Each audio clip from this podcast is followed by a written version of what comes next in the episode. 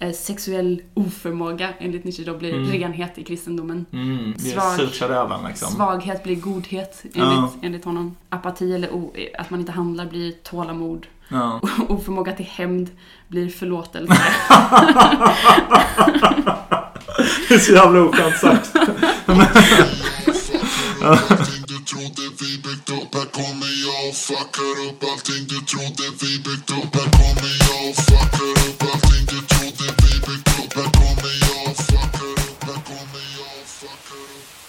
och välkomna till ännu ett avsnitt av podcasten Om och Men. Där vi reder ut det ni tycker är krångligt och krånglar till det ni trodde redan var utrett. Med mig, Vincent Flink Amblenäs. Och med mig, Beatrice Arkers. Kul att se er Bea. Det- Ja, det är Detsamma Vincent. Ja, ja, men du, nu är jag väldigt nyfiken här på vad det är som egentligen har hänt sen sist. Ja, jag förstår det. Mm. Ehm, vad har hänt sen sist? Jag ska se, jag måste bara välja någonting i mitt huvud. Ehm, Av allt som har hänt. ja, det händer ju så mycket. Mm. Ehm, jag har varit på weekend, Oj, coolt. vilket känns väldigt eh, vuxet, Ja, typ. Verkligen. Eh, det var ju inte så här, det var inte, inte heller någon så här, ja men när man har varit på weekend innan är det kanske så här med ett gäng kompisar eller någonting. Ja. Men jag, om att man åker typ till så här, jag vet inte, Lissabon. Inte. Men, eh, men jag har varit på Värmdö.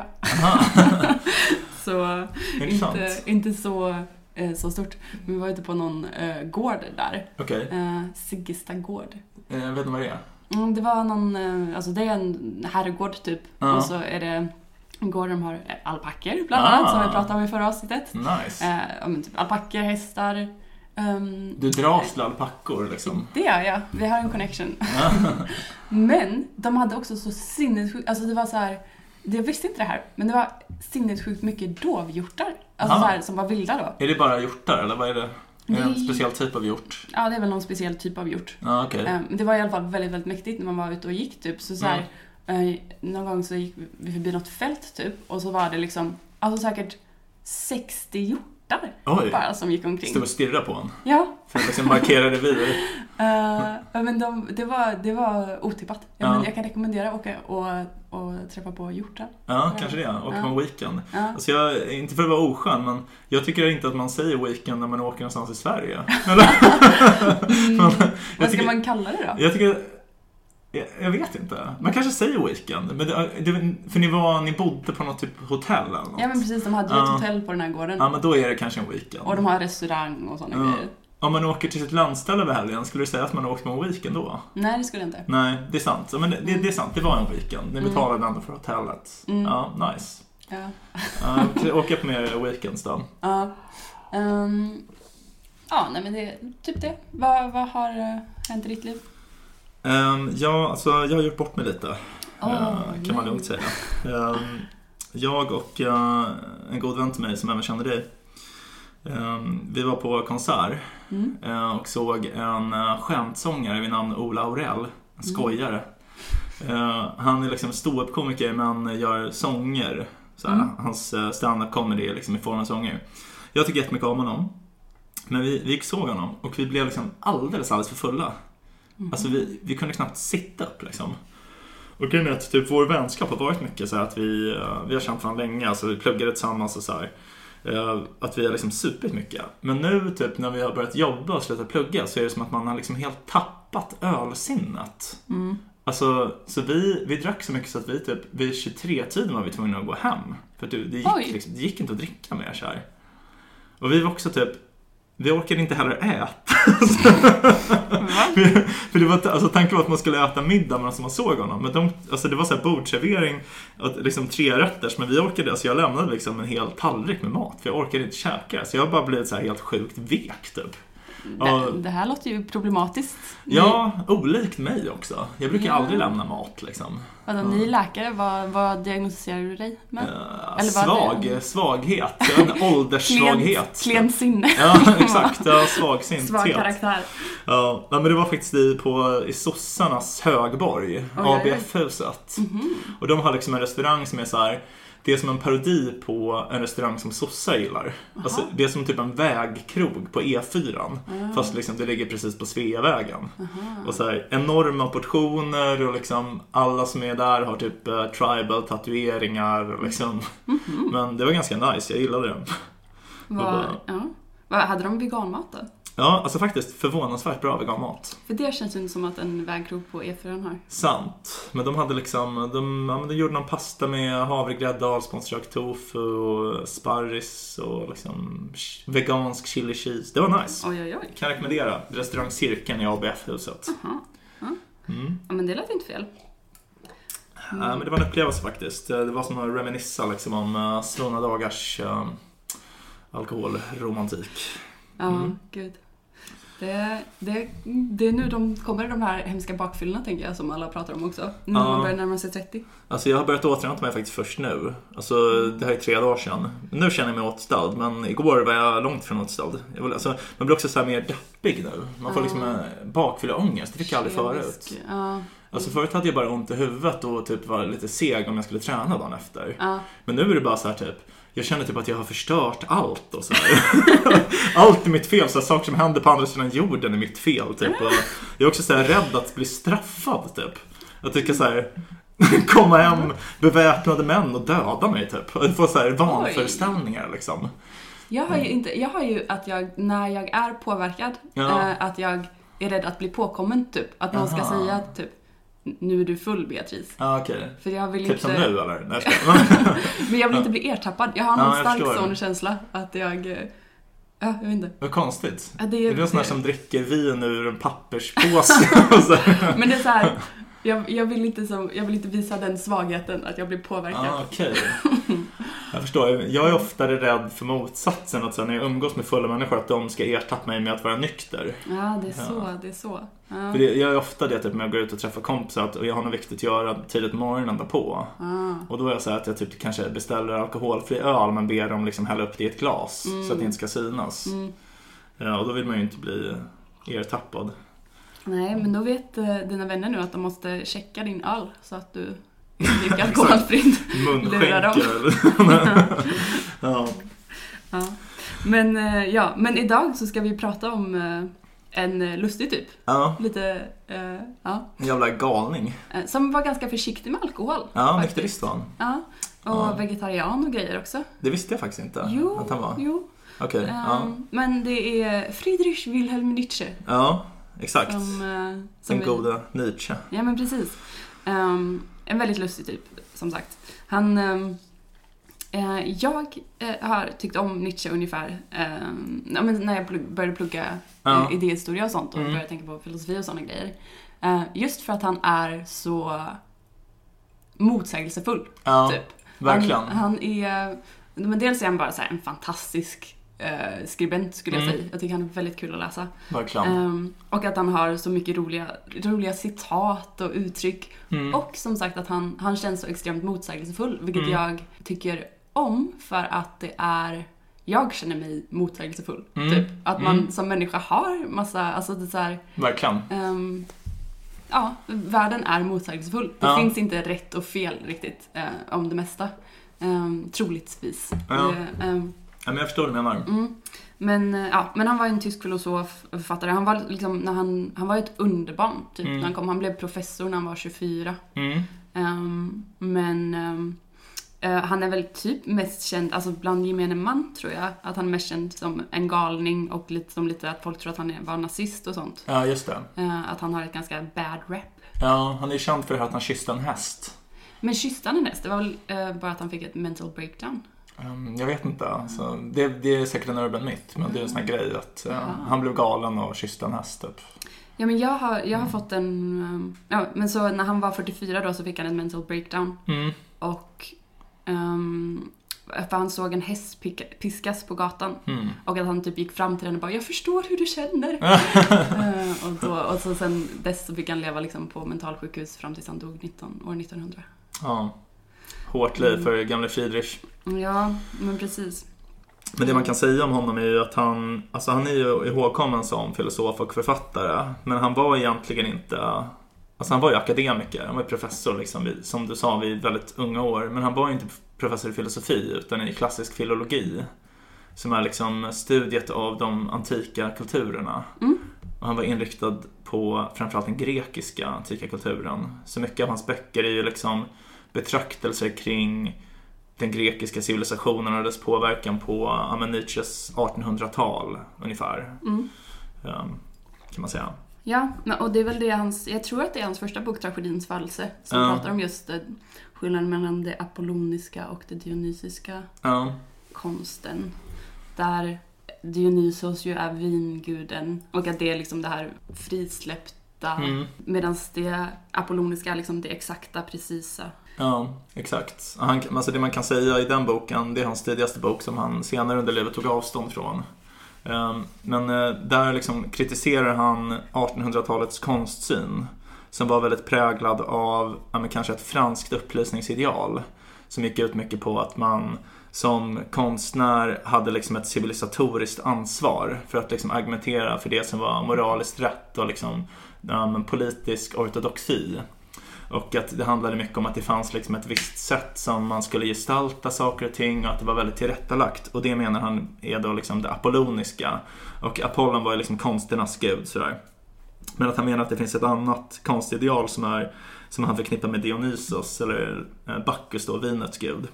Mm och att det är mer liksom lössläppt och det kan man ju kanske säga präglar Nietzsches författarskap ganska mycket. Att det är väldigt yvigt och liksom väldigt mycket drastiska formuleringar och ganska lite av ren argumentation. Därför ser ju typ jag inte honom i första hand som en filosof. För han ger oss inte så mycket argument utan mer liksom Mm. estetiska framställningar. Alltså han, Mm. han övertygar mer genom estetik än argumentation. Det är Mm. min uppfattning av honom. Ja, Mm. men, men det kan ju också ses som ett argument tänker jag. Eller just det här att det är en värderingsfråga då. Ja, Um, han är ju inte så han är inte en analytisk filosof. nej exakt.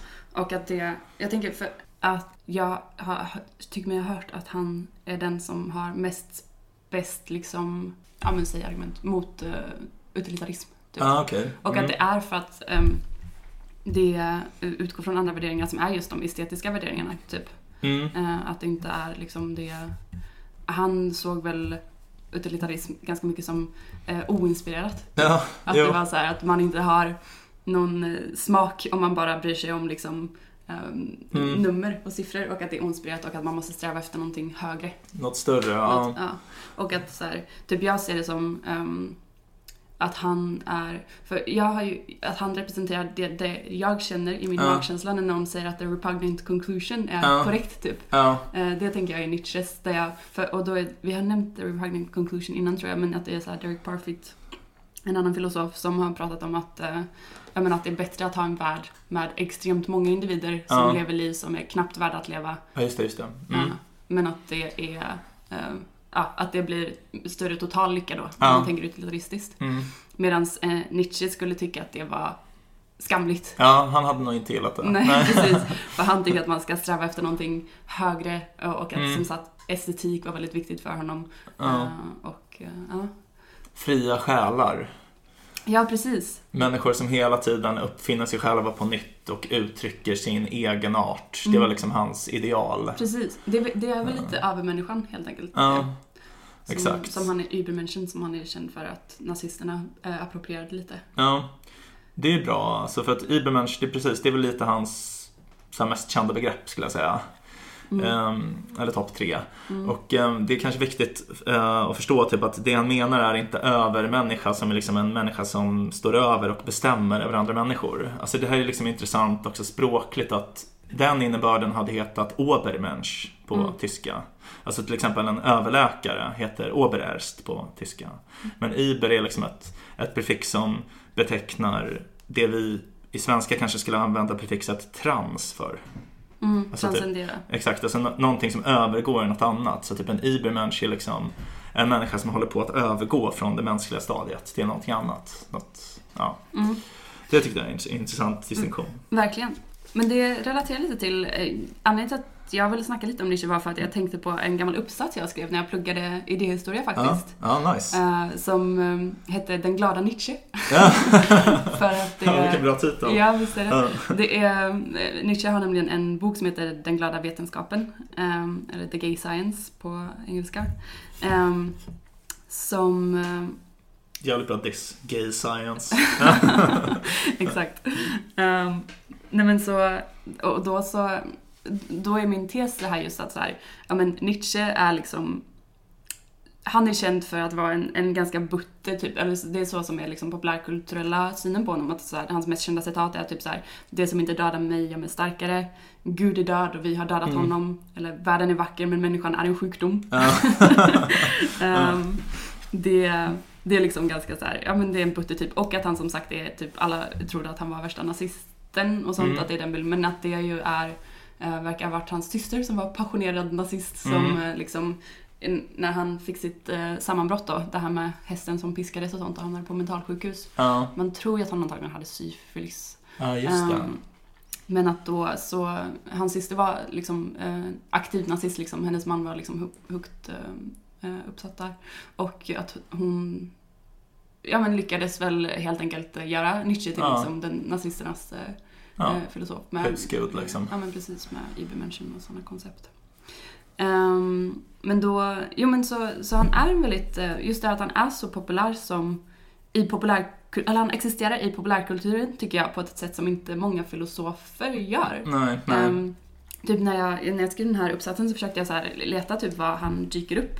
Ehm, och, och då är det typ så här, men han dyker upp i flera, flera filmer och tv-serier på olika sätt. Ehm, typ Eternal Sunshine of the Spotless Mind, True Detective, Little Miss Sunshine, um, A Fish Called Wanda. Det, det är många filmer där han citeras. Liksom. Mm. Och när han citeras så är det liksom i väldigt eh, det är antingen typ mördare, våldtäktsmän eller psykopater som citerar honom. Ja. Eller som så här sitter och läser en Nietzsche-bok typ. Ja. är också en sån eh, lite eh, typisk grej. Ehm, och att, eh, ja, att man, det är liksom någon sorts symbol, att han blir någon symbol för att man läser honom och man tycker att eh, livet saknar mening. Alltså, Mm. Och att man... eh, Nihilism liksom. Ja, Ja. vilket är lustigt för han var ju väldigt emot nihilism. Ja. ja, absolut. Man tänker att han har en ganska tydlig bild av vilken mening livet har. Ja men precis. Ehm, men att han är verkligen så här Hollywood-skurkarnas filosof. Ja, Typ. jo, men det är sant. Verkligen. Ja. Folk lyfter ju lite på ögonbrynet om man har med sig en Nietzsche-bok. ja, man känner sig Ja. som att man måste förklara att nej men... Ja, jag är inte nazist. Ja. ja, nej men verkligen. Men det är intressant med hans syster Elisabeth Förster Nietzsche. eh, Som liksom approprierade hela hans filosofi och liksom, det hon gjorde var att hon reviderade hans kvarlämnade skrifter och gav ut en volym som hette Viljan till makt. Mm, Ehm, och den ehm, ja, men liksom delades ut till många av de ehm, nazistiska soldaterna. Ehm, bland annat eh, den boken. Det var lite flera böcker så där som man såg eh, som man tyckte att många av soldaterna skulle läsa liksom, för att få en känsla för den tyska kulturen. Så mm. Eh, Och eh, hon, alltså, ja, det är ju verkligen en vantolkning av hans filosofi. Men för de som vill se hur hon ser ut så finns det ett väldigt vackert porträtt av henne av Edvard Munch. Ni kan googla det. Det visste jag inte. Han har även gjort ett fantastiskt porträtt av Nietzsche själv. Det ska vi väl säga att om Nietzsche också är känd för någonting så är det en otrolig mustasch. Ja, en eh, rejäl, eh, rejäl mustasch, verkligen. Kan, kan du odla en sån? Ehm, nej, det, det tror jag faktiskt inte. In, inte. Inte av den rangen här. Vi har ju en bild framför oss här. Ja, Det är en eh, mäktig mustasch vi har framför oss. ja, otroligt. Nej, inte jättefin tycker jag. Kanske inte jättemodern idag. Nej. Men, eh, men okej, så du har skrivit den här uppsatsen. Mm. Eh, vad var din tes då i, i den? Ja, ehm, det är...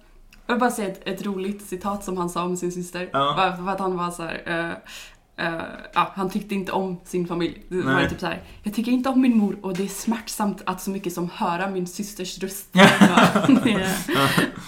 ja, väldigt, eh, ja, han tyckte inte om henne. Nej. Ehm, jo men min tes var typ att så här, ja men dels så, så här bara rent eh, Först så började jag kolla typ hur många gånger nämns ord som typ tragedi, sorg, smärta och Mm. typ så här, hur många gånger nämns glädje, lycka, där, där. Ja, vänskap också Ja, mycket. ja. Eh, och då var det faktiskt, ja men det var ganska jämlikt. Ja. Men kanske några fler lycka och glädje och sånt faktiskt. Ja, vad roligt så du gjorde liksom en empirisk studie, räknade liksom. Ja, och, Ja. men det var bara på den glada vetenskapen då. Ja. Ehm, men eh, ja, och sen så, så här helt enkelt så försökte jag typ ehm, analysera lite vad, vad han säger om lycka Ja. och glädje. Ehm, och jag använde liksom lycka och glädje som synonymt eller så. Ja. Och att, eh, och så lyckades jag, eller lyckades, men jag identifierade tre grejer som jag tyckte var så här, men det här verkar vara det Nietzsche tänker om lycka. Typ. Mm, mm, Ehm, och, ehm, och då var det, men då hade jag så här. Den första sortens lycka menade jag var en lycka som, eller menar, min analys av Nietzsche då Mm. var att, eh, att han menar att det finns två sorters lycka. Den första sortens lycka är den som är liksom en lägre lycka. mm. Och den kan uppnås av alla människor, även liksom pessimister och nihilister. Och det är en lycka som kan existera när det inte finns något hinder i vägen Mm. eh, för en människas vilja. Mm. Eh, Så till exempel att man bara har... Mm, ehm, Man får som man vill. ja men precis. Ja. Att så här, ehm, ett citat som jag tog från Beyond Good and Evil, eh, för att liksom symbolisera den ehm, lite lägre formen, billiga, billigare form av lycka helt enkelt. Typ var här, The green pasture happiness of the herd with security, lack of danger, comfort and an easier life for everyone. Ja, jordmentalitet liksom. Mm, mm. Mm. Och sen så den andra formen av lycka som jag menar är liksom den som Nietzsche respekterar typ och. Ehm, och eh, ja, men tror på som den högre formen ehm, är att då den liksom där är ett annat citat som jag använder är från eh, Antikrist är What is happiness? The feeling that power is growing, that resistance is overcome, not contentment but more power. Mm. Så det är lite det här viljan till makt-grejen. Mm. Eh, och just att så här, ehm, att överkomma saker. Ja. Att, eh, att klara av att eh, lida. Just det här som ett av hans andra mest kända citat är ju det här eh, He whose life has a why to live for can bear almost anyhow. Eh, att, eh, Mm. att alla som har ett varför klarar, klarar liksom... Man hittar Eh. någonting större att leva för. Precis. Precis. Ja, det kan man uthärda lidande. Ja, så om man på något sätt lyckas överkomma en svårighet och, Ja. och eh, klarar av att lida. Just det att man ska, för Nietzsche ska man balansera på gränsen. ja, Liksom. just det. Ehm, och det är det jag tänker att han verkligen gjorde som han fick sitt break, Mm. breakdown. Verkligen. Alltså man, man kan ju också säga att typ just den här boken som du har valt är ett bra exempel på det. Mm. För den är ju liksom, befinner sig lite i gränslandet mellan det man brukar kalla för Nietzsches två perioder. Mm. Att han liksom, han var först där akademiska underbarnet och skrev liksom eh, tragedins födelse och hans andra stora verk i den här första perioden är Mänskligt allt för mänskligt. Mm. Eh, och då liksom, det är mycket så här, tolkningar av den antika eh, filosofin och liksom i ljuset av eh, an, eh, antika kulturen och filosofin så liksom analyserar han 1800-talet. Eh, Men sen, eh, liksom, han går lite från det här torra akademiska mot ett mer liknande någon form av profet liksom, som redogör för en helt ny livssyn som är liksom väldigt löst förankrad i den, kultura, eller i den antika kulturen. Eh, Och den eh, perioden brukar man säga börjar med det verk som kommer efter Den glada vetenskapen som är Så talade Zarathustra, Mm. som är hans mest berömda verk. Och ehm, det här är liksom är lite emellan. Jag tycker inte att den glada vetenskapen riktigt hör hemma i någon av de här två. Eh, Nej, men, men jag kan tipsa om den glada vetenskapen om man vill så här känna sig lite creddig och läsa Nietzsche. För den är Ja. otroligt lättläst egentligen. Väldigt, ja. Den, är liksom skriv, den består av små aforismer då, och så, så det är liksom så här. Det kan vara tre meningar, kan Ja. vara ett litet stycke och sen Mm. så är det så här nästa. Ja. Ehm, Den är väldigt rolig också. Ja. Alltså, för det, den boken man brukar ha som introduktion till Nietzsche är en bok som kommer lite efter Så talade Zarathustra som heter Till moralens genealogi. mm. Och den är typ den enda boken där han har försökt skriva den på ett systematiskt sätt. Alla andra böcker är så extremt vildvuxna och yviga. Men den boken är liksom när han går igenom hur moralen eh, uppkom i, i västerlandet. Mm. Och då menar han liksom att moralen är en form av liksom slavmentalitet. Att Mm. så här man, man försöker säga att det är liksom eh, det är slavarna som har rätt. Typ.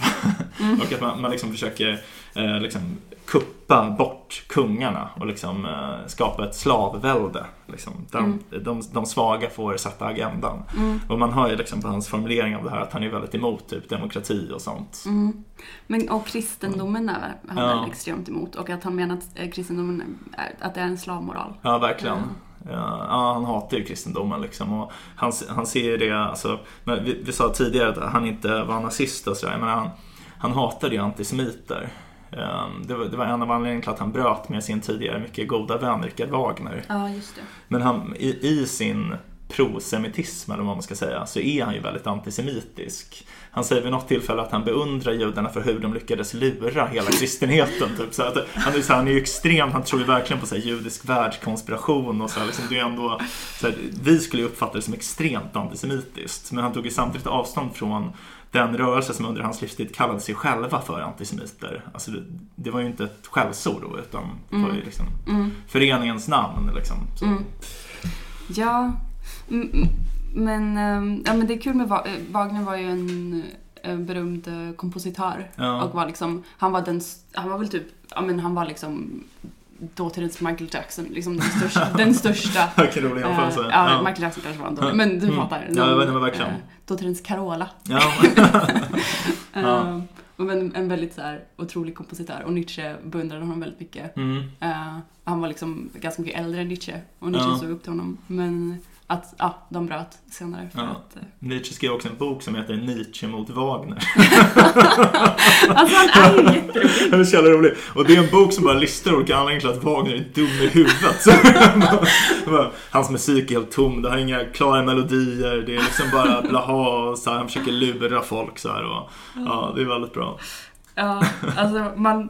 Här känns som en människa man... Det skulle vara kul att vara kompis med Nietzsche för Ja. att det skulle vara underhållande. Men man Mm. skulle också behöva typ konstant passa på sig och inte... Man skulle nog inte vilja vara så här, behöva uh, anförtro saker åt Nietzsche. nej, nej. Alltså, men, alltså grejen är att det här, man, man kan ju säga de här två perioderna som jag snackade om, alltså, man kan ju se det som att han bara fick något uppvaknande litterärt, men det är ju också liksom eh, att det är Alltså proportionellt mot hur hans syfilis fortskred, det är många som har sagt att han höll på att bli galen och att det är det som ligger till grund för den här litterära utvecklingen. Och jag tycker man kan se mycket, för att alltså, vi, i Sverige har vi ju en liten motsvarighet till Nietzsche som är Strindberg. Han är ju lite, Mm. lite light-versionen av sant. Nietzsche. Så. Ja. Och de, de brevväxlade har, har man kunnat se. ja, va? De är ju samtida. Eh, och eh, Strindberg, eh, han, han, han liksom, ja, ville bli Nietzsches kompis, hade läst hans böcker sådär.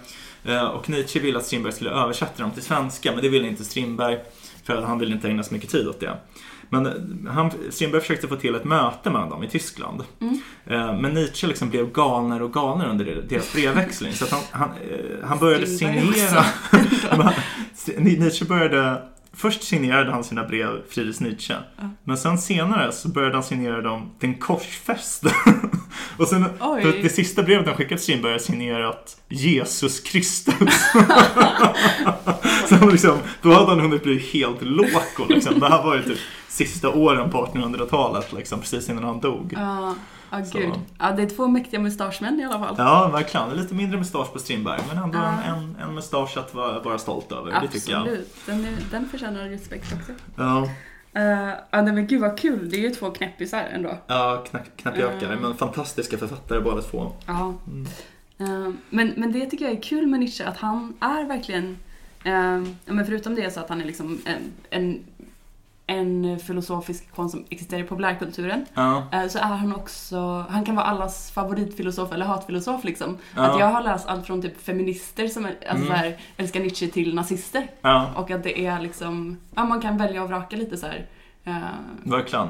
Ja, eftersom han som jag sa också typ uttrycker lite allt möjligt och är ganska, säger emot sig själv ganska många gånger och hit och dit. Ja, exakt. Alltså man, om- man vill så kan man se sig själv i, i Nietzsches verk, oavsett vad man tycker. Mm. Så det. Men, det, men det är också en sak som man ofta blir anklagad för, uh, kvinnohat. Mm. Ehm, och det är ju framförallt för en rad som han skriver i, tror jag, Så talet Zarathustra. Mm. Eh, Han skriver eh, Går du till kvinnor, glöm inte piskan. Eh, Men det här har ju tolkats på lite olika sätt. Alltså, eh, jag eh, tolkar inte som att man ska förtrycka kvinnor. Jag tolkar det mer som, kanske också misogynt, men att han tycker att kvinnor hela tiden bara vill bestämma. Så Mm. att de, liksom, det de helst vill ha är en piska, typ. Mm. De blir aldrig nöjda förrän de får bestämma allt, typ. Mm. Mm. Så, ja. Ja, nej men kul. Men han verkar ju inte ha haft så bra game heller, eller så. Nej, det är den här Salome. Eh, Eh, Ja, men just det, han har någon sån affär. Han hade någon affär med någon kvinna som inte var så intresserad av honom, Ja, eh, tyvärr. mm. ja nej. Men det känns ju inte helt uh, otippat heller när man är en, en liten galning. Ja, han var ju sjukpensionär liksom och eh, handikappad. Eh, mådde inte så bra. Mm. Var tvungen att flytta till eh, schweiziska alperna för att det var så dålig luft när han bodde innan och Ja, så kanske inte var världens kap på det sättet. ja. Mm. Ja, nej, men han ville få, behövde få frisk luft helt enkelt. Ja, exakt.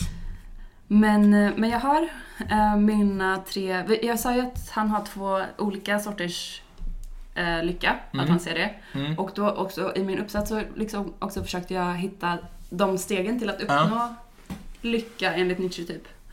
Det är bra Ehm, att veta. Ja, men vill du veta? Ja, jag vill gärna uppnå lyckan enligt. Nietzsche. Och då, då var så här, steg ett var typ så här amor fati, alltså Ja. att man ska älska sitt öde. Mm. Ehm, och att det är liksom eh, första steget på väg till lyckan då. Och det är eh, ett begrepp som han introducerade i den glada vetenskapen faktiskt. Eh, där han pratar om att så här, ja, men jag vill öva upp min förmåga att se det sköna hos tingen i deras nödvändighet. Mm. Så blir jag en av dessa som gör tingen sköna. Amor fati, den kärleken ska hädanefter vara min. Eh, Så Mm. att liksom se det sköna hos tingen i deras nödvändighet är att liksom människan kan lära sig att känna uppskattning även för det som gör ont eller orsakar lidande. Mm. Så lite någon sorts så här stoisk syn. Men han Ja. var också väldigt, eh, han Anti. hatade stoiker. Ja. Ja, Han han hatar är mycket. oerhört rolig när han skriver om stoikerna i um, Bortom gott och ont, tror jag att det är. Vad säger han då? Nej men alltså han skriver något om att uh, ja, ni säger att ni ska leva enligt naturen, men hur skulle man kunna leva enligt naturen? Det är, naturen är inte en enhetlig sak. Så här, alltså, ja, väldigt eh, rolig. Det skulle jag kunna ta fram, men det är lite längre Mm. uh, framställning. Jag skulle kunna länka till det i avsnittet. Mm. Men jag tror, om jag uppfattat det rätt, så är det lite så här samma grej som han, när han kritiserar utilitarismen, liksom att det han tycker är oinspirerat typ. Ja. Eh, och att det är, ja, att, att det är svagt att Ja. bara, att inte så här försöka förbättra sig själv eller att så här försöka komma bortom Mm.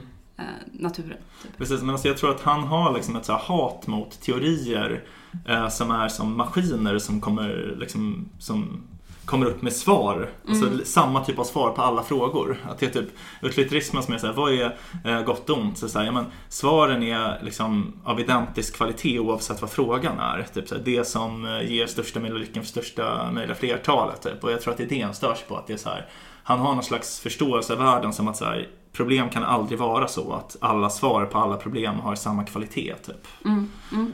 Men han har ett stycke i Den glada vetenskapen som eh, kallas för Två lyckliga. Där han Mm. beskriver två olika typer av lyckliga människor. Ja, Eh, Och den första typen är den som lärt sig eh, bemästra något som man kallar för livsimprovisation. ja. Som liksom, denna människan Det är så himla nietzscheanskt. Alltså, livsimprovisation. Ja. Ja. okej, ja. Där han menar att det är en människa som har förmåga att ingjuta en vacker innebörd och själ Mm. i slumpen. Så liksom att, så, att man tar liksom lite vad som eh, händer, eh, Mm. än händer, så, så lyckas man se det positivt. Ja. Eller se det som, ja men det var bra ändå. Eh, och den andra lyckliga typen är den som inte har den förmågan till livsimprovisation. Ehm, men så för henne misslyckas allt som hon vill och planerar, säger han. Men Ah. hon lyckas ändå vara lycklig. Ehm, mm. Intressant. För hon har sedan länge eh, bestämt sig för att inte ta sina egna önskningar och planer på så stort allvar. eh, Ah. Talar han om. det är bra. Och att det, han menar att det är liksom någon sorts recept för lycka där ehm, ehm, mm, ja, han, han ser ner på den andra som Mm. jag sa för att det blir eh, någon sorts, ja men att han ser det som lite svagt skulle jag, skulle jag säga. Eh, Att man inte vill påtvinga världen sin vilja. Liksom. Ja, ja men precis, allt. precis. Ja. Att man inte, ja men exakt. Mm. Eh, bra sammanfattat. Och där, Mm. han har faktiskt ett kul citat där han säger, Mm. eh, kritiserar stoiker, Mm. som är typ så här. Peka på mig. eh, men det är från den glada vetenskapen, för då säger han Vi mår inte tillräckligt dåligt för att behöva må dåligt på stoiskt vis. Ah. det är- Nej, just, ja, men är det där han skriver om så här, det är en filosofi för slavar och så här, alltså de som har liksom fruktansvärda liv som kan gå miste om all glädje i världen bara för att undkomma lidandet. Men det är inte en filosofi för oss liksom. Ja, nej men, ja, jag tror det. Att, för han Mm. menar att man inte behöver avtruppa sitt känsloliv. Det Nej. vill han inte. Det är det han- jag tror han menar att stoiker gör. Liksom. Eh, att det är, eh, den, det är inte rätt. eh, fel, det är fel kur. Typ. Ja. Och liksom blir misslyckat. Ja, ja vad roligt. Ja, men det, man, man kanske ska säga något om typ, Nietzsches litterära stil också. Så vi har Mm. sagt att det är yvigt och vildvuxet och det är ju en sak. Men, men det är också att han, han skriver ju inte sammanhållen text utan han skriver vad som brukar kallas för aforismer. Ehm, och ibland kallas det även för fragment. Alltså det är så väldigt korta prosastycken. Mm. Han skrev också poesi, dikter liksom på vers och de är ju okej. men det är framförallt de här aforismerna han är känd för. Det är typ Ehm, han var liksom lite en förnyare av den här genren. Man kan säga typ innan, den mest kända innan är um, La Rochefoucauld, en fransk eh, filosof, tänkare, författare. Och typ i modern tid så är det väldigt ovanligt att skriva så här. Men i Sverige så är kanske den mest kända Horace Engdahl. Han skriver också aforismer eller fragment. Mm. Eh, Men, men det är ju det som gör att hans böcker är så himla lättlästa och roliga att läsa. Att så här, man kan läsa Nietzsche i på riktigt två minuter och Mm. ändå få ut någonting av det. Mm. Um, så här, väldigt korta, snabba resonemang som inte är liksom, eh, systematiskt uppbyggda. Mm. Mm, men verkligen. Eh, jag, jag har eh, valt ut några här. Ska Ja, jag läsa ett? Ja, ja. Ehm, det här är då en aforism som han kallar vara djup och verka djup. Den som vet sig vara djup bemödar sig om klarhet. Den som vill verka djup inför mängden bemödar sig om dunkelhet. Ty mängden håller allt för djupt som den inte kan se botten i. Den är så ängslig av sig och går så ogärna ut i vattnet. Alltså det är jättebra. Alltså han får så mycket sagt på några få Verkligen. Det är två meningar, men eh, det är ändå så här, det sammanfattar ju mycket hans eh, filosofi och hans inställning till liksom, eh, ja, men folket och liksom den allmänna åsikten om saker. Mm. Att ehm, det, är så här, det, är lätt, det är lätt att lura hopen, typ. man måste ställa sig över dem. Mm. Mm. Väldigt elitistiskt det där.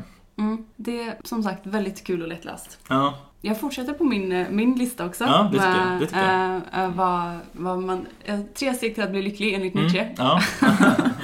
Ehm, då är det, steg två är att man måste betala priset, liksom, att lycka inte är gratis. ja. Eh, och att eh, det, det är inte lätt att, eh, att nå den där högre formen av lycka. Mm. Och att man måste vara beredd att betala väldigt dyrt för det. I form av typ lidande. Smärta och Ja. lidande. Mm, man måste Ja, överkomma ett smärta dyrt, och lidande. dyrt pris. Eh, eh, ja, så det, det är liksom steg två för Nietzsche. Att ehm, du, du ska eh, lida. Eh, och då, om du, om du lyckas lida och inte liksom dukar under av Mm. det, då, då har du chans på den riktiga lyckan. Mm. Och det är där, du, jo, jag, kan, jag kan läsa ett litet citat som, eh, som relaterar till det. Mm. Han, han, pratar, om, han pratar faktiskt om eh, vetenskapen. Eh, Mm. som, mm, han menar som den stora smärtbringaren. Ja. det är så himla konstigt sätt att se på vetenskap. Okej. Det är det han tycker är bra med vetenskap. All smärta liksom. Men det är att han menar att den har, kan liksom göra väldigt mycket skada. Ja. Eh, Och då skulle kanske samtidigt den motsatta kraften i den bli upptäckt, dess oerhörda förmåga att få nya stjärnvärldar att, av glädje att tändas. Ah, okej, Eh, alltså att smärta är den, den främsta grundförutsättningen typ för att glädje, eh, Mm. man ska kunna nå glädje. helt enkelt. Mm, mm. Eh, och sen så är steg tre eh, att man ska leva farligt. Ah, okej. Så det var det Ja. jag lite sa, att här, man ska balansera på gränsen. Och där har jag också ett favorit, favoritcitat som Ja. jag tycker är så kul. Det, det är också bara så himla bra. Det, ja, som det, vi pratade ju om konst nyligen. Mm, mm. Och det Förra avsnittet. Ja, Mm. och då när, ehm, när jag läser Nietzsche kan jag tänka Fan vad genialisk formulering, den där hade jag inte kommit Nej, på. verkligen, typ. verkligen. Ehm, det, är när det, är, det är skarpt och humoristiskt samtidigt. Mm. Men då är det så här, eh, fruktbarare människor, lyckligare människor, förtro mig. Hemligheten med att få ut ett maximum av fruktbarhet och njutning i tillvaron består i att leva farligt. Ah. Och då är den meningen jag tycker är roligast är det här. Bygg era städer vid Vesuvius. Ja, det är lysande råd. ja, Ja. ehm, och då, och, ja, så liksom, ja, Vesuvius är ju den här vulkanen som Mm. eh, eh, Ödelade Pompeji. Precis, precis. Eh, Och han har också sagt typ att ja, men jag vet mer om livet därför att jag så ofta varit nära att förlora det och just därför får jag ut mer av livet än alla ni andra. Mm. Eh, Det är Mm. också från den glada vetenskapen. Men det är nog sant, liksom living on the edge. där. Ja men precis, att så här, det, det är säkert där man skulle kunna nå den eh, mest totala euforin eller upp, uppgång i, i den känslan. Just i kontra- att det blir en sån Mm. stark kontrast. Ja, men verkligen. Mm, Och ja, men ett annat citat han har på temat är så här, lust och olust är hopbundna med ett rep på sådant sätt att den som vill ha så mycket som möjligt av det ena också måste ha så mycket som möjligt av det andra. Så ja, att det är så här, för att du ska kunna känna så mycket lycka som möjligt så måste du också kunna känna så mycket smärta som möjligt. Ah, Okej, ja, men det är också lite kritik av utilitarismen där kan man tänka sig. Ja, ja men precis, precis. Mm. Och att man, just det här att man så här, man som människa ska man ha som mål att nå sin fulla kapacitet. Mm. Typ.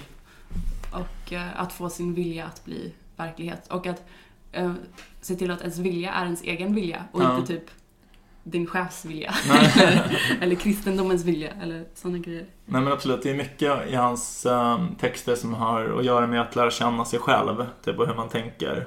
Och att man på det sättet kan bli mer fri och som du säger skilja ut vad det är inom en som tillhör en själv och vad som bara är efterapning. Typ. Mm. Vad som bara är liksom påtvingat från samhället. Mm. Och jag tror att det är lite därför hans filosofi har blivit så populär inom all liksom, motkultur, all counterculture. Det är ju så en grej, typ att man Ja, läser Nietzsche om man är typ punkare eller så. Man är emot Ja. the establishment liksom. verkligen. Um, Jag har en rolig anekdot om Nietzsche apropå att han är känd som filosof men att han i själva verket aldrig studerade filosofi på det akademiska sättet. Liksom. Mm.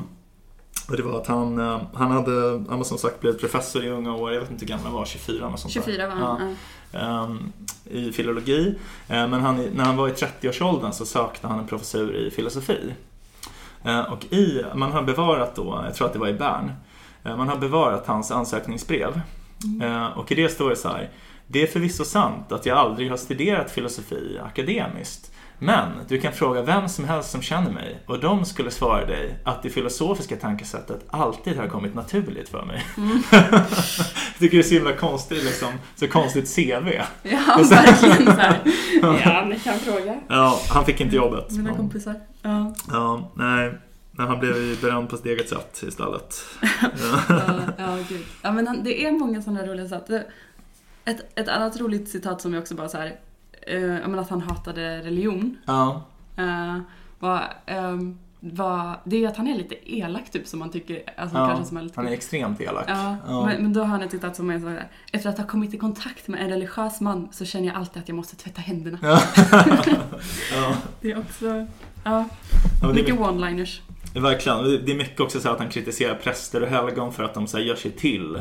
Att typ, äh, alltså asketerna, att de bara skryter typ.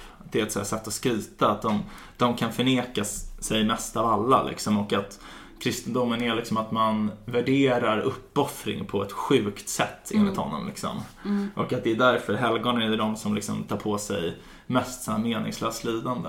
Det är också lite dubbelt för han själv pratar ju också om det här som sagt att man ska lida. Men det är samtidigt det han kritiserar. Så det är verkligen den här eh, mångtydigheten i hans eh, filosofi, hans texter liksom. Ja, jag tror, ehm, alltså han brukar kalla för kristna die Herde, alltså flocken typ. Ja. Eh, och jag menar att de, så här, de ville njuta av livet eh, men var för odugliga för att uppnå liksom, en hög nivå av njutning och tillfredsställe, tillfredsställelse. Eh, Mm. Och att de ehm, ja, men, hycklade med vad de önskade. Ja. Alltså så här, att de låtsades som, ja, eh, vilja mindre för att de var för svaga för att uppnå det de egentligen vill.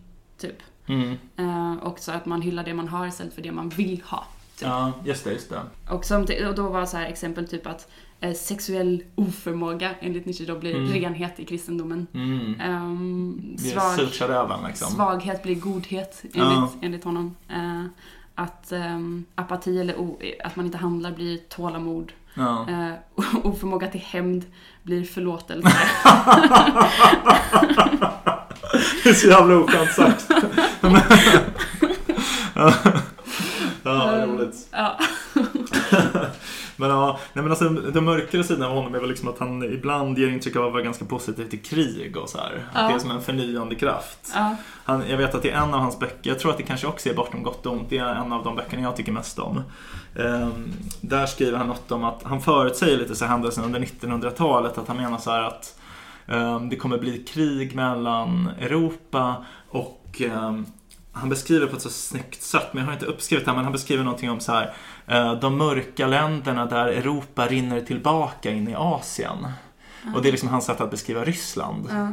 Att, och det är också så bra bild av hans liksom, syn på civilisationshistorien att liksom, västerlandet är som en våg som har slagit in från de stora asiatiska imperierna. Mm. Eh, och liksom, det finns här bara små, alltså de här äldre civilisationerna, Kina och Indien och sådär, liksom har givit av, avknoppat sig till Europa. Mm. Eh, men att de liksom håller på att rinna tillbaka. Så precis den här övergången mellan Asien och Europa befinner sig i Ryssland och att det är det som kommer liksom förstöra allting på 1900-talet. Mm. Och det är ju intressant för jag menar det här är ju innan revolutionen och så här. Det är fortfarande Ryssland är ju fortfarande ganska likt Europa liksom ett tsarvälde och så här. Mm.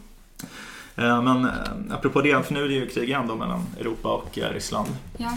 Eh, Och han har skrivit en, eh, en aforism här som jag tolkar som att den har att göra med, med Ryssland då som höll på att eh, rösta för krig medan han skrev den. Mm. Om vältaligheten heter den. Mm.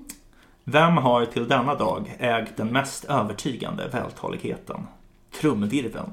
Och så länge kungarna har denna i sin makt är det nu som för de bästa talarna och folkuppviglarna. Ja, Ingen kan stå emot krigshets liksom. nej, nej. Intressant och väldigt cynisk bild av det. Ja. Mm. Ja, alltså ja, han är, känns ju ganska cynisk överlag. Ja, eh, jo verkligen. Verkligen. Men jag tror att det ligger något i det, att det är något med, med krig som att alla säger att de inte vill det men folk handlar samtidigt som att de inte är beredda att offra så mycket för att det ska bli fred typ. Och att man ska visa sig stark typ. Och, Mm. ja. Mm. Mm. Tänkvärt, tänkvärt. Verkligen. Mm. Ja. Men det är... um, Ska, men några, vi har pratat om några mest kända begrepp. Typ Ja. så här, ja men amor fati, eller kanske, det var ju det kanske är ett mer stoiskt begrepp än... eh, Det vet jag faktiskt inte om det är han. Det- Det, det det, låter ju inte som att han hittar på det Nej. eftersom det är på latin. Nej, jag tror att det är stoiskt.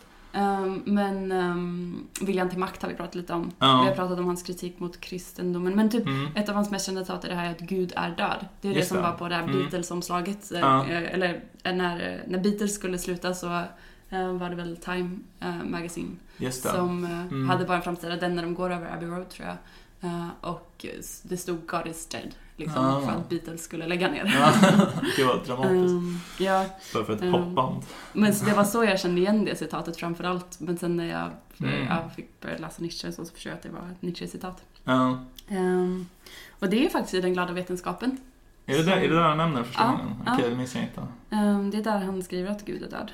Uh, Men är det, han, är det där han skriver liksom hela det här och vi har dödat honom? Ja. ja Okej, ja. intressant. Ja, precis. Gud är död och det är vi som har dödat honom. Jag, Jag hade verkligen för mig att det var Zarathustra. Man kanske nämner det i båda. Eller så är det bara glada vetenskapen. jag tror att det är glada vetenskapen. Ah, ja. Um, ja, men det är också lite det att så här, tron på Gud um, är, är liksom att man lurar sig själv att det är så en, Mm. en saga som man lurar i sig. Det är intressant för att alltså det, det han säger är ju inte Gud finns inte. Alltså det är ju det, alltså vår tids ateister säger så här, det finns ingen Gud. Utan det han säger är typ så här, ja men på ett sätt kan man säga att Gud fanns förut. I liksom civilisationens tidigare stadier. Men nu har mänskligheten gått vidare och att det är vi som har dödat Gud. Och nu måste vi bli gudar. Mm. För liksom, han menar så att vår civilisation har fortskridit på ett sätt som gör att Gud inte längre har någon plats i vår kultur. Men vi har inte insett det här stora glappet. Mm. Så att människorna har inte liksom rest sig själv till den gudomliga statusen än. Så att nu är det så här, det finns ett stort hål i vår kultur som ingen vill kännas vid. Och då menar man att det är liksom övermänniskans roll att inta den här platsen. Ja, och, och att han, just det här med att så här, om man, eh, om man verkligen eh, omfamnar den insikten att så här, men, eh, Gud är död, eh, att, eh, att det att vi, eh, det, det kan leda till nihilism typ. Mm. Eh, och att man tänker att livet saknar mening för ens lidande har ingen poäng då lika tydligt som det. om, om du är kristen och tror att du kommer hamna i himlen om du Mm. eh, lider Nej, på ett korrekt sätt. Men då, ja, han var ju, han var ju liksom, han skulle inte beskriva sig själv som en nihilist. Eh, även om han så här, under stora delar ändå påstår typ att livet saknar objektiv mening. Mm. Men att det är det du säger, typ att han menar att då, men då var det liksom ditt ansvar om, om du är övermänniska att så här försöka Leva Ja. upp liksom till det här. Ja men precis, Ja. skapa, Mm. skapa meningen. Ja, och, eh, och ur ett sånt estetiskt perspektiv också, det som vi nämnde lite, eller berört lite, att han uppskattar estetik väldigt mycket. Mm, verkligen. Eh, och att då den som lyckas skapa ett vackert, eh, estetiskt tilltalande liv för sig själv Mm. är en, en Übermenschen. Ja. Nej men verkligen. Det kan man säga, alltså inom filosofin, modern filosofi så finns det en uppdelning mellan eh, det du var inne på lite innan med analytisk filosofi, som är det som bedrivs mest i den anglosaxiska världen och i Norden, Mm. framförallt i Sverige.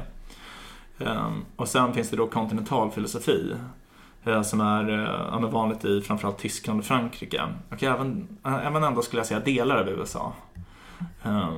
Men eh, alltså Nietzsche, alltså den här uppdelningen, man kan inte säga att Nietzsche tillhör någon egentligen, för det, det är för tidigt. Men man kan ju säga att, Nietzsche är tveklöst mycket mer uppskattad bland kontinentalfilosofer. Och jag tror att det beror på att i den här uppdelningen har liksom blivit lite som att kontinentala filosof- filosofer är mer intresserade av skönhet och estetik. Medan analytiska filosofer är mer intresserade av moral. Mm. Så att, ehm, det är intressant den delningen tycker jag. Mm. Har du något så här att du... Har du något så här att du brukar tänka på Nietzsche någon gång då och då i ditt liv? Eller när, vart dyker han upp i ditt liv? Oj, um, vilken bra fråga. Nej, men jag, alltså jag läste jättemycket om Nietzsche förut, men alltså för ganska länge sedan, kanske för um, ja, men typ sju, åtta år sedan. Jag läste till och med så här, hans brevsamlingar typ och uh, var jätteinne på det då. Men nu, jag läser nästan aldrig Nietzsche längre. Men uh, nej, så det är nog ingen så här speciellt tillfälle i, mitt, i min vardag numera när jag tänker på honom. Har du något sånt eller? Nej men jag håller med. Jag hade också en period när jag försökte läsa honom mycket. Jag vet att jag pratade med min professor då på det historiska programmet som eh, berättade att han hade haft en kompis som så hade bestämt sig för en sommar att han skulle läsa allt Nietzsche hade skrivit. Ja. Och att han när han kommit tillbaka hösten efter hade varit helt deprimerad typ. Med en jättestor mustasch. ja, exakt. Eh, men jag hade faktiskt en sån där sommar när jag tänkte nu ska jag försöka läsa allt om Nietzsche. Jag hann Ja. inte läsa allt om Nietzsche. Men uh, jag läste en del och som sagt tycker han är väldigt kul. Ehm, nej, jag tror, jag tror mer att jag tycker att det är kul när det dyker upp så här. eh, Mm. What doesn't kill you makes you stronger. Ja. Eh, att eh, så här, det är en Kelly Clarkson-låt typ. Ja. Eh, och att det så här är... eh, nej men att han, han dyker upp lite här och var och att han känns som en popikon fortfarande. Ja. På, på många sätt.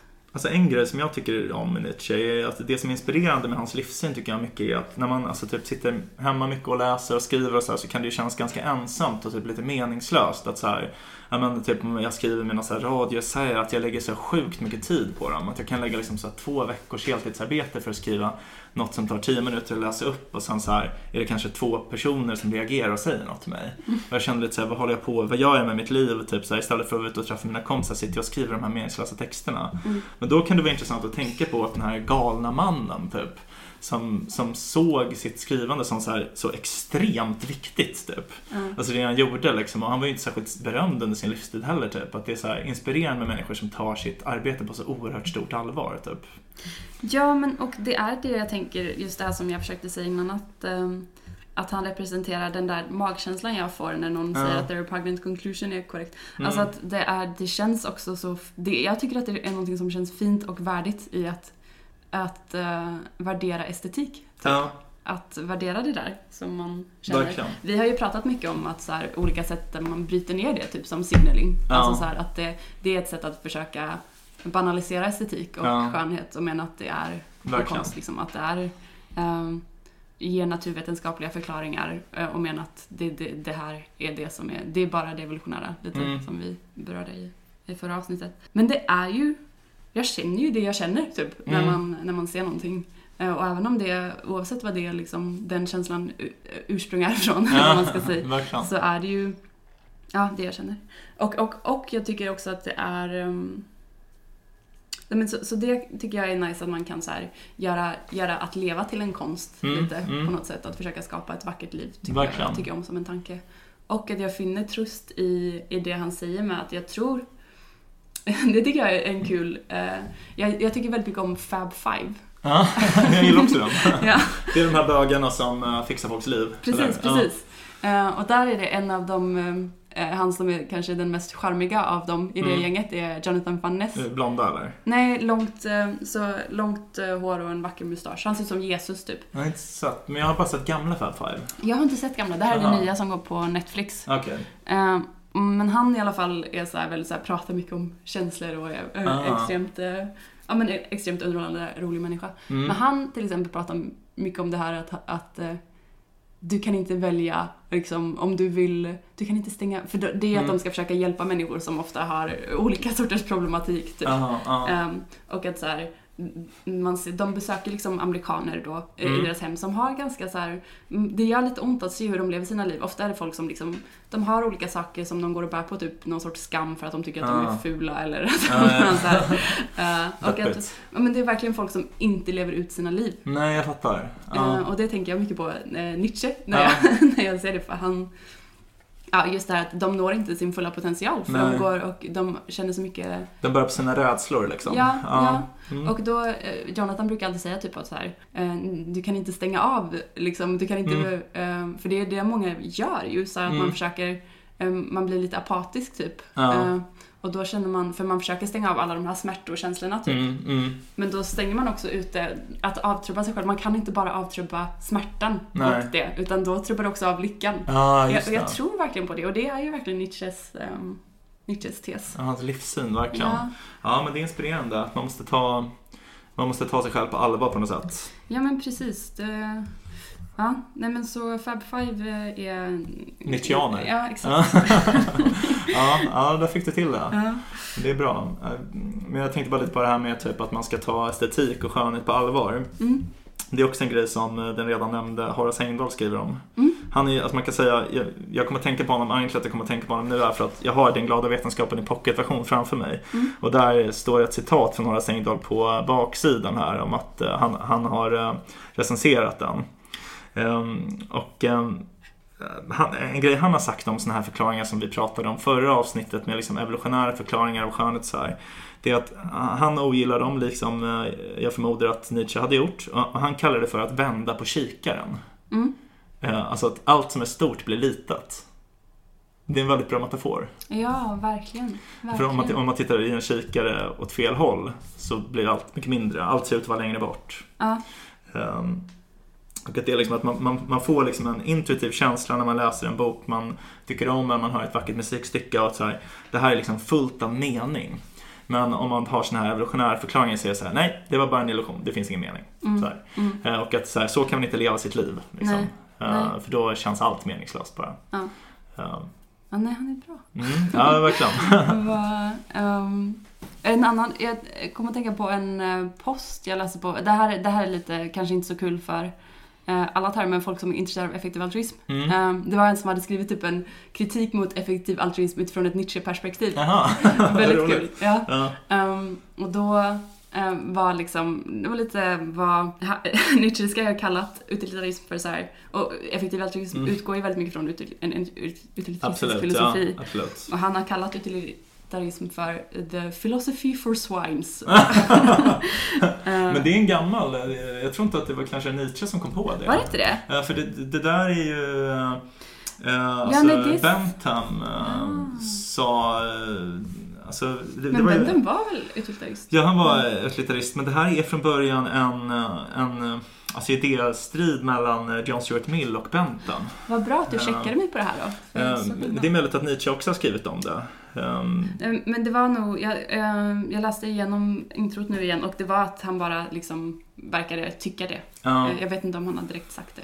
Ja, men för, för det, jag tror att bakgrunden till det var att uh, Bentham menade att det finns liksom ingen indelning mellan olika typer av njutning utan liksom en gris njutning är, är liksom samma typ av, samma kvalitet av njutning som en människa känner då hon liksom går på opera eller läser poesi. Mm. Men John Stuart Mill som var, man kan säga, Benthams efterträdare inom utilitarismen, också ett akademiskt underbarn apropå Nietzsche.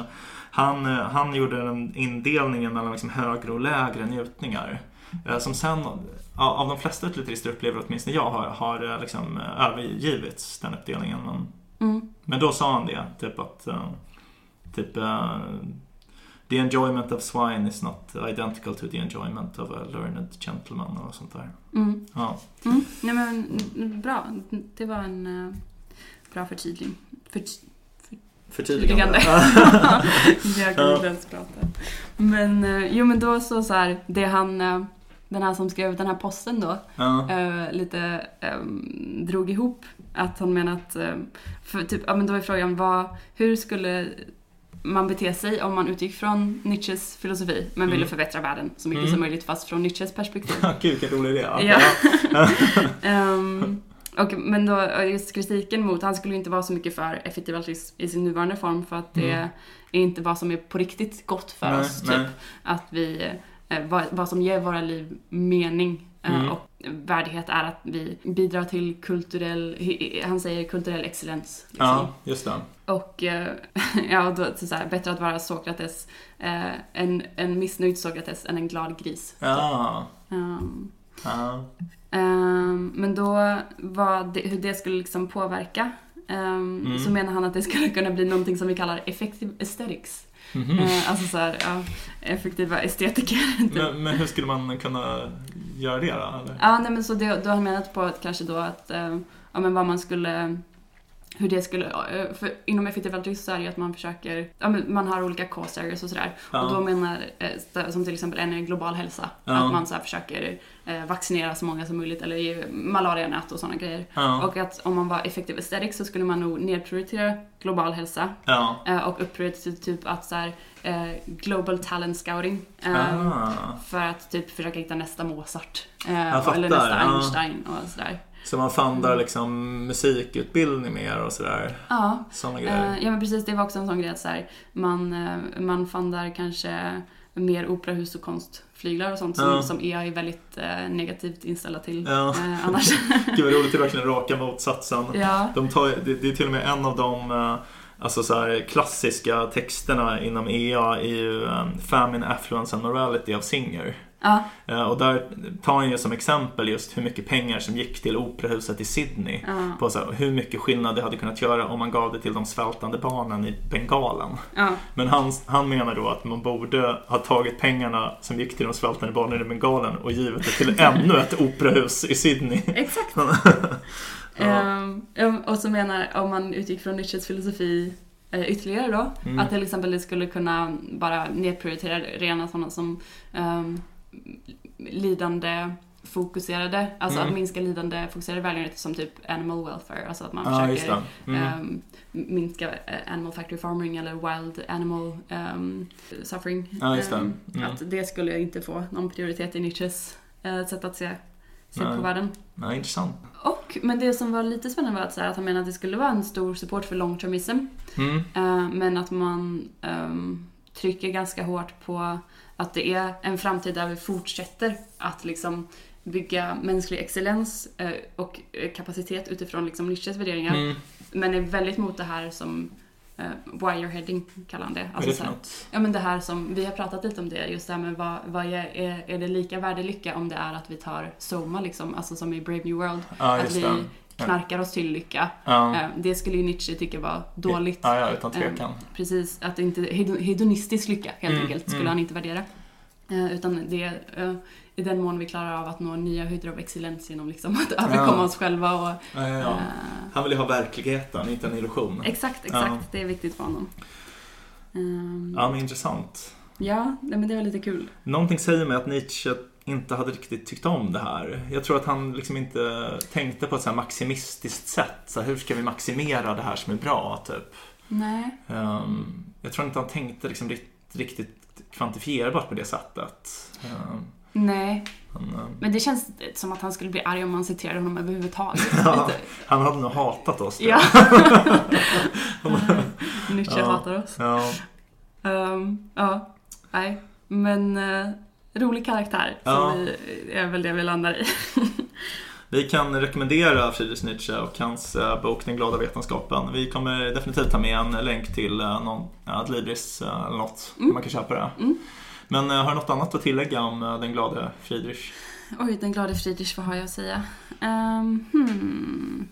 Det kanske vore kul att läsa något avslutande litet eh, citat eller någonting. Har du någon bra aforism att avsluta på? Ehm, ja, jag har faktiskt ett som handlar om just avslutningar. Nej, perfekt. Det är lite längre. Kör. Att finna den rätta avslutningen. En mästare av första rangen känner man igen på att han i stort som i smått till fulländning behärskar konsten att finna den rätta avslutningen. Det må gälla en melodi eller en tanke, eller kanske femte akten i en tragedi eller en stadsaktion. Även mycket goda andra klassförmågor blir oroliga när de närmar sig slutet och har inte samma förmåga att i en stolt harmonisk båge sjunka ner i havet, som till exempel klipporna vid Portofino, den punkt där Genuabukten låter sin melodi klinga ut. Vackert, vackert. Där har vi avslutningen. Där avslutar vi. Ja, men med de orden då så får vi tacka er för att ni har lyssnat på ännu ett eh, kanske lite ovanligt avsnitt av den härliga podden Om och Men. Där vi eh, reder ut det ni tycker är krångligt och eh, krånglar till det ni trodde var utrett. Eh, Ja, med det klingar vi ut. Ja. Nästa vecka kommer vi snacka om någonting helt Sjukt. Jag fuckar upp allting du trodde vi byggt upp Här kommer jag och fuckar upp allting du trodde vi byggt upp Här kommer jag och fuckar upp allting du trodde vi byggt upp Här kommer